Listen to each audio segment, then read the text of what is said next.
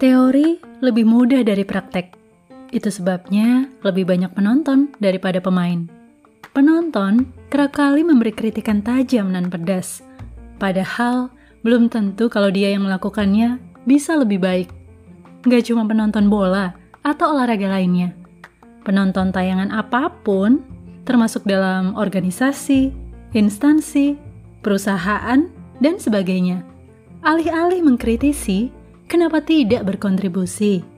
Saat kita terjun di dalamnya, barulah kita tahu seperti apa tantangan di dalamnya.